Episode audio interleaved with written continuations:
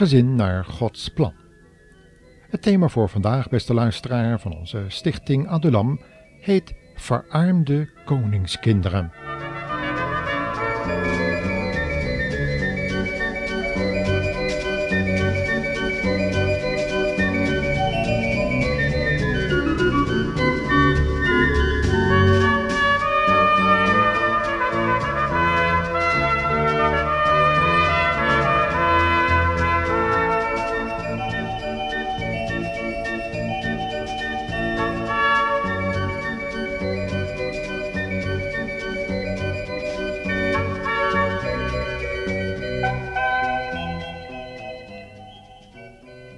Dit programma van de stichting Adulam is speciaal gemaakt voor de afsluiting van het oude jaar. Dit oude jaar zal voor velen verdrietige herinneringen hebben. En zeker in deze tijd zullen er velen met eenzame gevoelens opgescheept zitten. Maar laat ik niet op dit speciale programma vooruitlopen, maar u verwelkomen met dit lied van overwinning. Een lied vol troost en bemoediging een lied dat spreekt van hoop, liefde en vrede. Niet direct op aarde, maar in de hemel, waar Jezus de ware vredevorst is.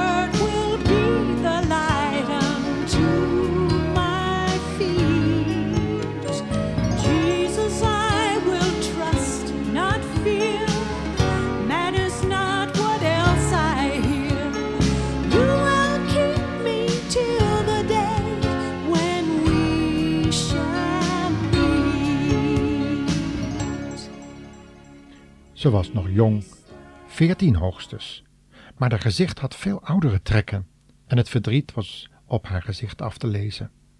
De straat was vol met winkelende en gejaagde mensen die hun inkopen voor de kerst aan het doen waren. Straks zouden de winkels sluiten en voor die tijd moesten de kerstganzen en kalkoenen ingekocht zijn en ook de oliebollen voor het nieuwe jaar. Ze vroeg of ik even tijd voor haar had en wipte snel de warme en gezellige Bijbelkiosk binnen. Haar verhaal leek op dat van Maria en Jozef, die eenzaam en veracht een plaats zochten voor het kind dat Maria bij zich droeg.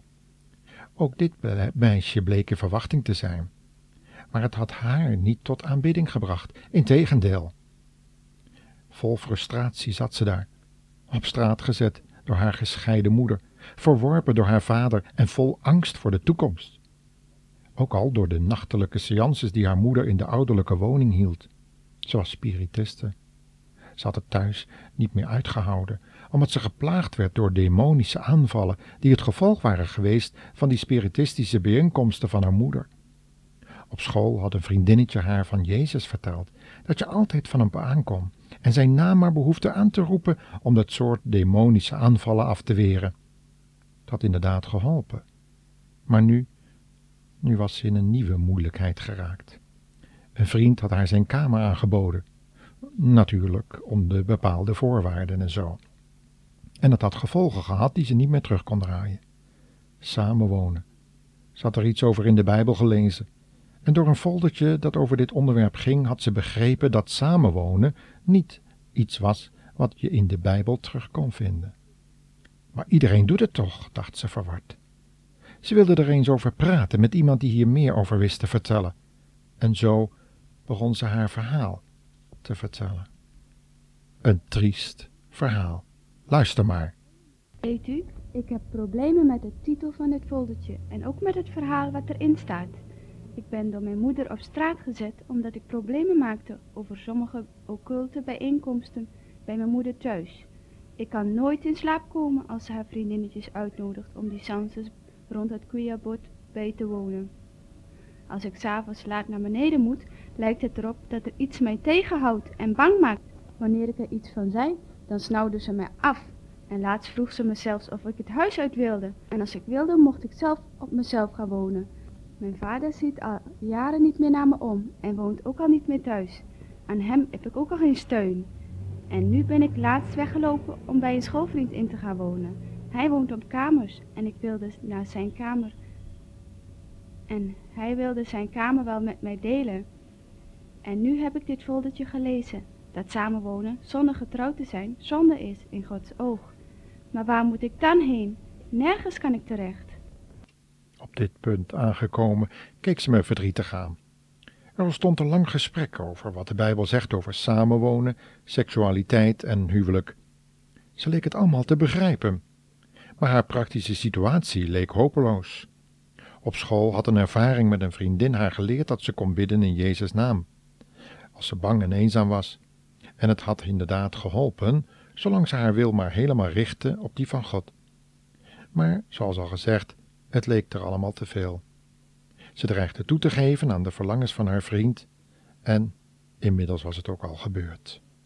Hij had het volgende tegen haar gezegd. Nou, als je van me houdt, dan wijs je mijn verlangens niet steeds af. Ook de andere jongelui in dat huis waren met niet mis te verstane bedoelingen naar haar toegekomen. Een van de grotere jongens had haar toegefluisterd: Nou, je denkt zeker dat jouw geloof sterk genoeg is om ons van je lijf te houden. Nou, je zult zien dat de krachten waar ik mee werk sterker zijn dan jouw geloof. Je kon zien dat haar geloof inderdaad begon te wankelen, en ik vroeg me af of ze niet door de kinderpolitie uit het huis weggehaald moest worden. En of ze mijn gedachten kon raden, zei ze: Ik heb mijn probleem aan die mevrouw van de kinder- en zedenpolitie voorgelegd, maar ze kon mij niet helpen aan opvanggelegenheid. Maar ze zou voor me uitkijken. Hier hebt u haar telefoonnummer. Misschien kunt u iets voor me doen. Keek haar aan en dacht bij mezelf: ik moet er zien mee te krijgen naar mijn vrouw, om eens goed verder te praten. Misschien weet onze vrienden een geschikte gelegenheid om haar op te vangen. Want zo gaat het inderdaad niet langer. Vroeg of laat valt ze en dan is ze veel verder van huis dan ze nu al is. We spraken een dag af dat ze bij ons thuis zou komen en ze vertrok met een aantal Bijbel- en beeldverhalen die ze mocht terugbrengen wanneer ze maar wilde. Niet lang daarna kwam ze weer langs om te praten, nu met een andere vriend met wie ze ook samenwoonde. Ze had haar vorige tehuis verlaten omdat ze geen weerstand meer kon bieden aan de begeerte van de jongelui om haar heen. Ten nood had ze zich van deze nare en verleidende omgeving weten los te maken. En wat ze hierover te vertellen had, was heel bijzonder. Luister maar. Weet u wat ik Weet u wat ik in een van die nachten daar heb meegemaakt? Ik had voor het slapen gaan gebeden en een stukje gelezen in mijn Bijbel. Ik weet niet meer wat. Ik was bang geweest die avond, want een van die flatbewoners had me gedreigd mij te zullen aanranden en dat mijn geloof mij niet zou kunnen helpen. Die nacht was ik wakker geworden door een stem die zei, lees Filipijnen 27 tot en met 30 of zoiets. Ik had nog nooit van het boek dat Filipijnen gehoord, maar ik begon te denken dat het in de Bijbel zou kunnen staan. Na lang zoeken vond ik wat die stem bedoeld moest hebben. Het was Filipijnen 1, vers 27 tot en met 30. Precies wat ik op dat moment nodig had. Samen lazen we het bewuste gedeelte nog eens door.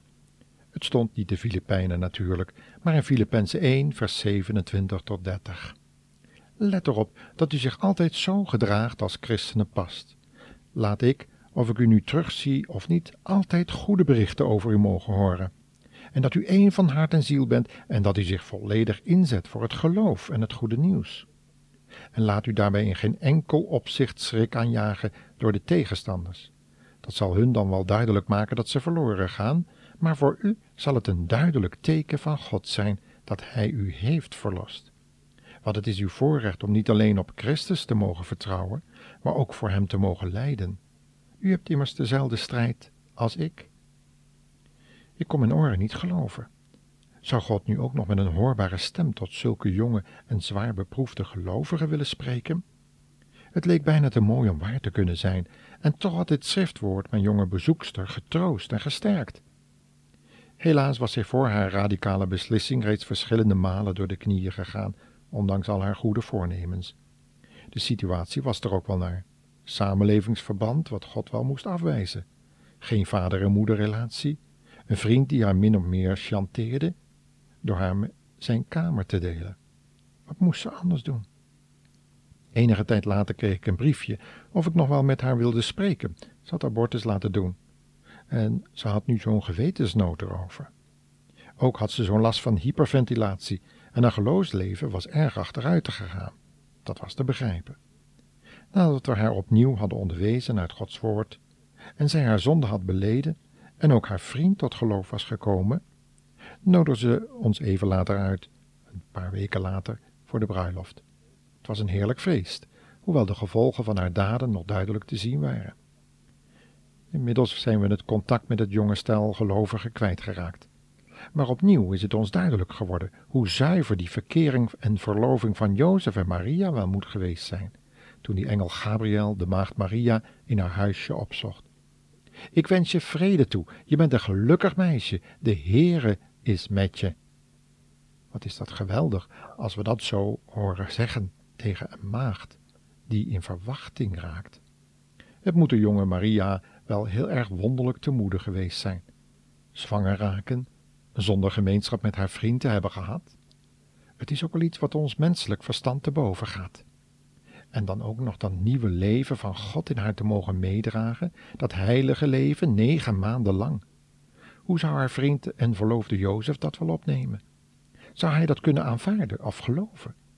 Zou hij dan niet verdenken van overspel? Het moet haar bang om het hart geworden zijn om al die momenten.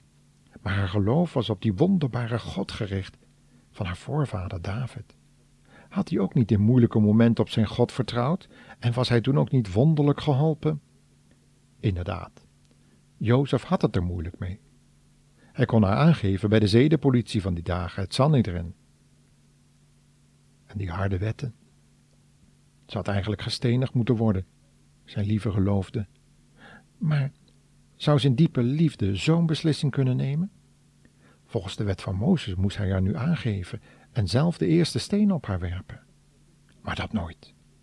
Dan maar het dorp verlaten en de schande zelf dragen, de verdenking op zichzelf laden, dat hij vooruitgegrepen had op het huwelijk en haar met de brokstukken had laten zitten. De mensen zouden haar dan wel vol medelijden opvangen en de familie zou wel voor het kindje zorgen.